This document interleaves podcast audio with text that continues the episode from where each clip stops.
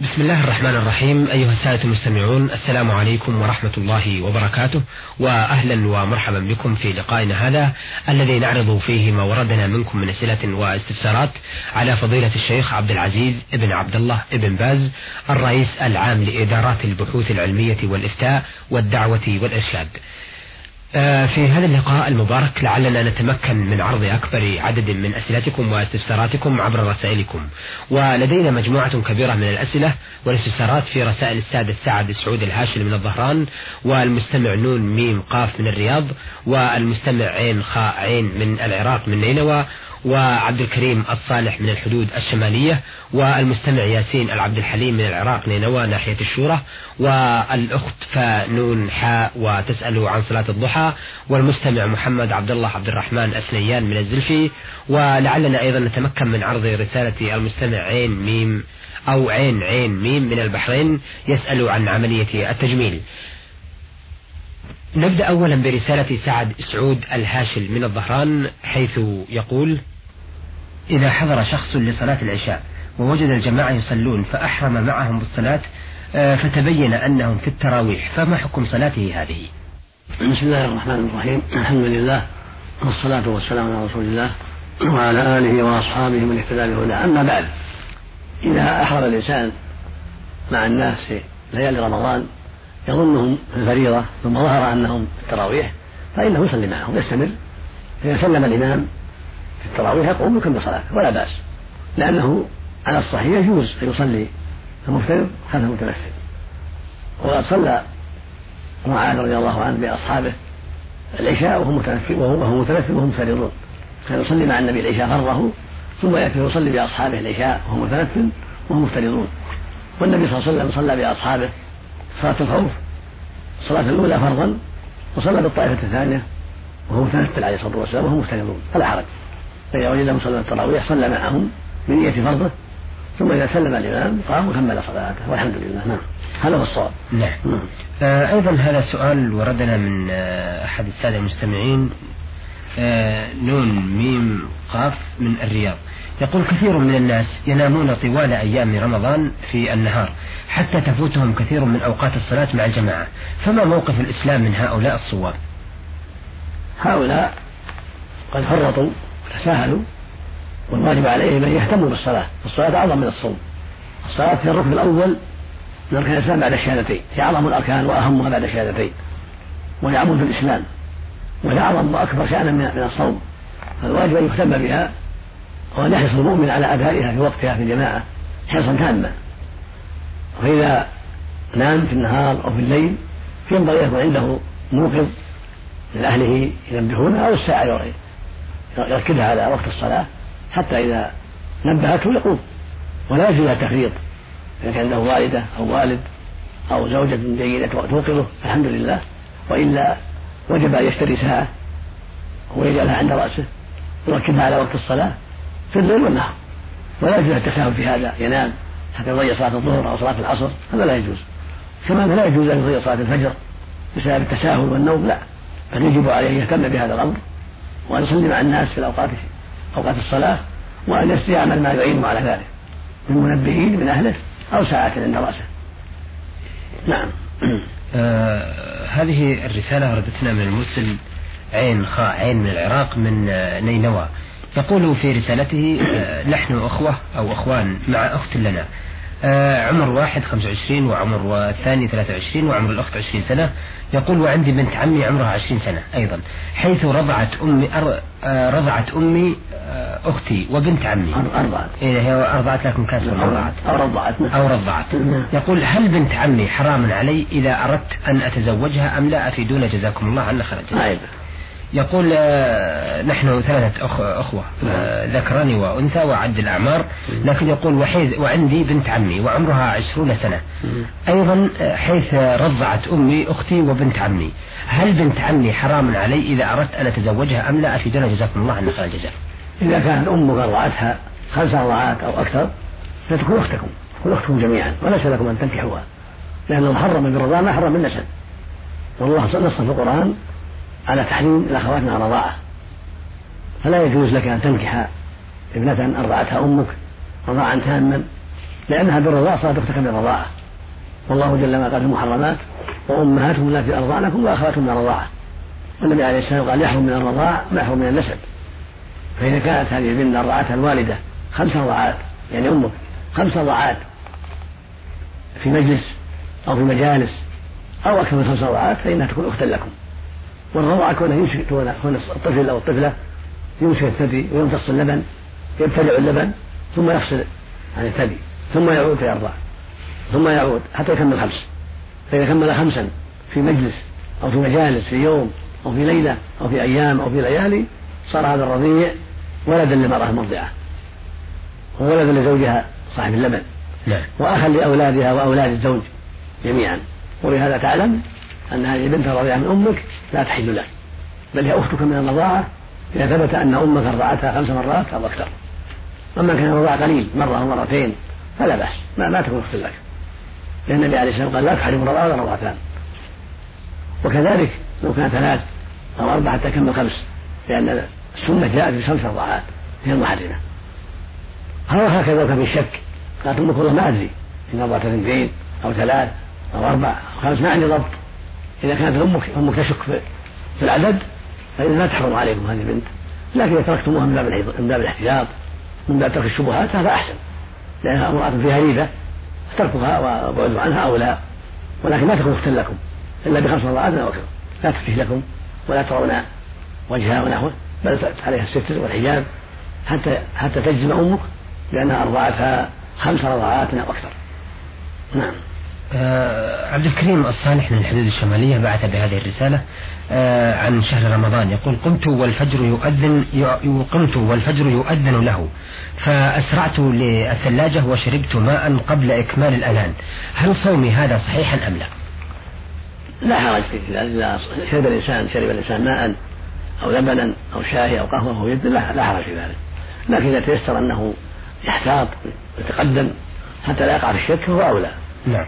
إلا إذا عرف أن المؤذن أذن الصبح وأن أن الصبح طلع وأن المؤذن قد أذن الصبح فإنه لا يشرب أما ما دام لا يدري على عادة المؤذنين أذنوا على الساعات فلا يضره ذلك. إذا شربه ويؤذن لا يضره ذلك. نعم.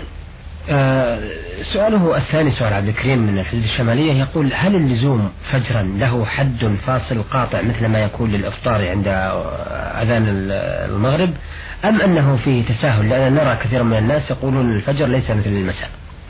صدقوا. الفجر لابد من تبين الصبح يعني أذان الصبح بين.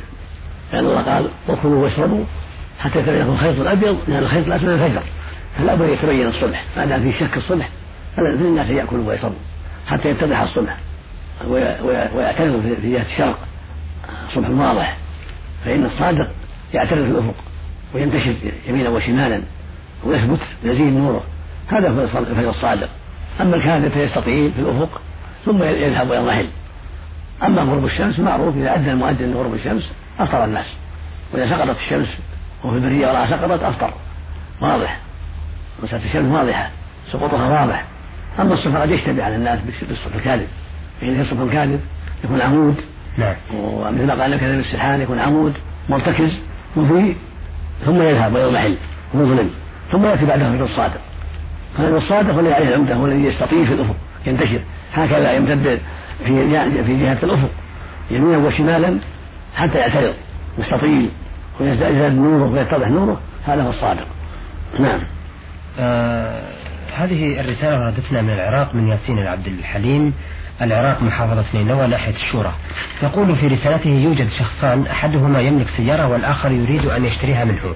فقال له الرجل الذي يملك السيارة إن تدفع النقود نقدا عليك بمبلغ ثمانية ألاف أما إن تدفع النقود آه، غير نقد تعطيني كل شهر كذا فهي عليك بعشرة آلاف أي مبلغ السيارة. أفيدونا جزاكم الله عنا خيرا هل هذا صحيح أم لا؟ لا حرج في ذلك أن يقول السيارة نقدا بكذا ومؤجلة بكذا. السيارة أو البيت أو الدكان أو الأرض أو السلع الأخرى لا بأس. هذا هو الصواب لا شك فيه. لكن لا يتفرقون إلا وقد قطعوا البيع. فإن تفرقوا ولم يقطعوا البيع ما تم شيء لم يتم شيء. فإذا تفرقوا على أن أن البيع بثمانية آلاف نقدا صح. وإن تفرقوا على أن البيع بعشرة آلاف كل شهر خمسمائة أو كل شهر ألف فلا بأس بذلك. هذا ما تفرقوا عليه من أجل أو نقد. نعم. نعم. آه الأخت في الله فانون حا من بلاد زهران بعثت بهذه الرسالة تقول فيها هل صلاة الضحى تصلى كل يوم؟ وهل هي من السنن الرواتب أم لا؟ صلاة الضحى سنة مؤكدة. النبي أوصى بها عليه الصلاة والسلام أوصى بعض أصحابه أوصى أبا هريرة وأبا الدرداء بصلاة الضحى وكان يصليها بعض الأحيان عليه الصلاة والسلام. فهي سنة مؤكدة أوصى بها عليه الصلاة والسلام. فإذا تيسر للمؤمن والمؤمنة فعلها هذا خير عظيم. ولكن غير لازمة. لو فعلها بعض الأحيان تركها بعض الأحيان أو تركها بالكلية لا حرج لكنها سنة مؤكدة. مثل سنة الفجر سنة الظهر سنة المغرب سنة العشاء كلها سنة مؤكدة. فيها خير عظيم. ولكنها غير فريضة. لو تركها الإنسان لا يأثم. والأفضل تكون بعد ارتفاع النهار. اشتد النهار وارتفع النهار. قبل زوال الشمس. بنص ساعة ساعة. المقصود أنها اذا ارتفع الضحى أفضل. وإن صلاها مبكرا بعد ارتفاع الشمس قيد الرمح حصل المقصود. وإن كل ما أخرها حتى يرتفع النهار فهو أفضل. اثنتين أو أربع ركعات أو خمس ست ركعات أو ثمان ركعات ليس لها حد. لكن لكن اقلها ركعتان. وإذا صلى أكثر صلى أربع ركعات أو ست ركعات أو ثمان ركعات أو أكثر من هذا فلا بأس. نعم. سؤالها الثاني تقول هل عدد آه، حدد الإسلام عدد الأضاحي التي يضحى بها أو يضحي بها المسلم يوم عيد الأضحى وكم عددها إن وجد عدد؟ ما فيه تحديد. النبي صلى الله عليه وسلم كان يضحي باثنتين عليه الصلاة والسلام. إحداهما عنه وعن بيته والثاني الثاني عما وحد الله من أمة محمد عليه الصلاة والسلام.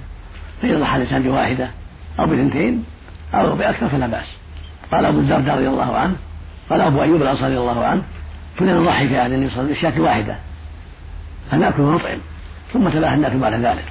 فالحاصل أن واحدة تكفي إذا ضحى الإنسان في بيته بواحده عنه وعن بيته حصلت السنة في هذا.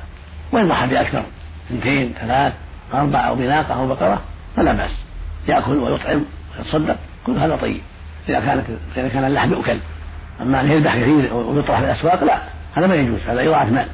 لكن إذا كان يذبح شيء يؤكل ويقسم على الفقراء أو الاقارب هذا طيب. قل أو كثر. ولكن أقل شيء واحدة. أقل شيء واحدة تذبح عن الرجل وأهل بيته ولو كانوا كثيرين عن زوجته عنه وعن زوجته وعن أولاده وعن والديه والديه وعن في ذلك من من هو معه في البيت. نعم. نعم. أه سؤالها الثالث تقول هل صبو الشعر حلال أم حرام؟ صبو الشعر صبو الشعر إن كان بالأسود الخالص فلا يجوز للرجل والمرأة جميعا. أما كان صبغه بأصفر أو بأخضر أو بغير ذلك فلا بأس. لكن بالأسود الخالص النبي نهى عنه عليه الصلاة والسلام وغيروا هذا الشيء وجنبوه السواد. فالحاصل أنه لا يجوز بالأسود الخالص. لا المرأة ولا الرجل. أما إذا غير الشيء بغير الأسود بأسود مخلوط بالحنة أو بأحمر أو بأصفر فلا بأس. نعم. آه، المستمع محمد عبد الله عبد الرحمن الثنيان من الزلفي يقول في رسالته بعض الناس يعلقون رجل الذئب على رقاب أبنائهم أو ذويهم ويعتقدون أنه آه، يذهب الجنون. فما رد فضيلتكم على هذا وفقكم الله؟ هذا من الخرافات تعليق الرجل رجل الذئب أو إذنه أو غرسه أو شيء من شعره على المريض أو على غير المريض للصيانة والحفظ كل هذا منكر كله خرافات لا أصل له. وهذا من التمائم التي حرمها الله جل وعلا وسماها النبي شركا عليه الصلاة والسلام. يقول النبي صلى الله عليه وسلم من تعلق تميما فلا أتم الله له ومن تعلق تميما فقد أشرك.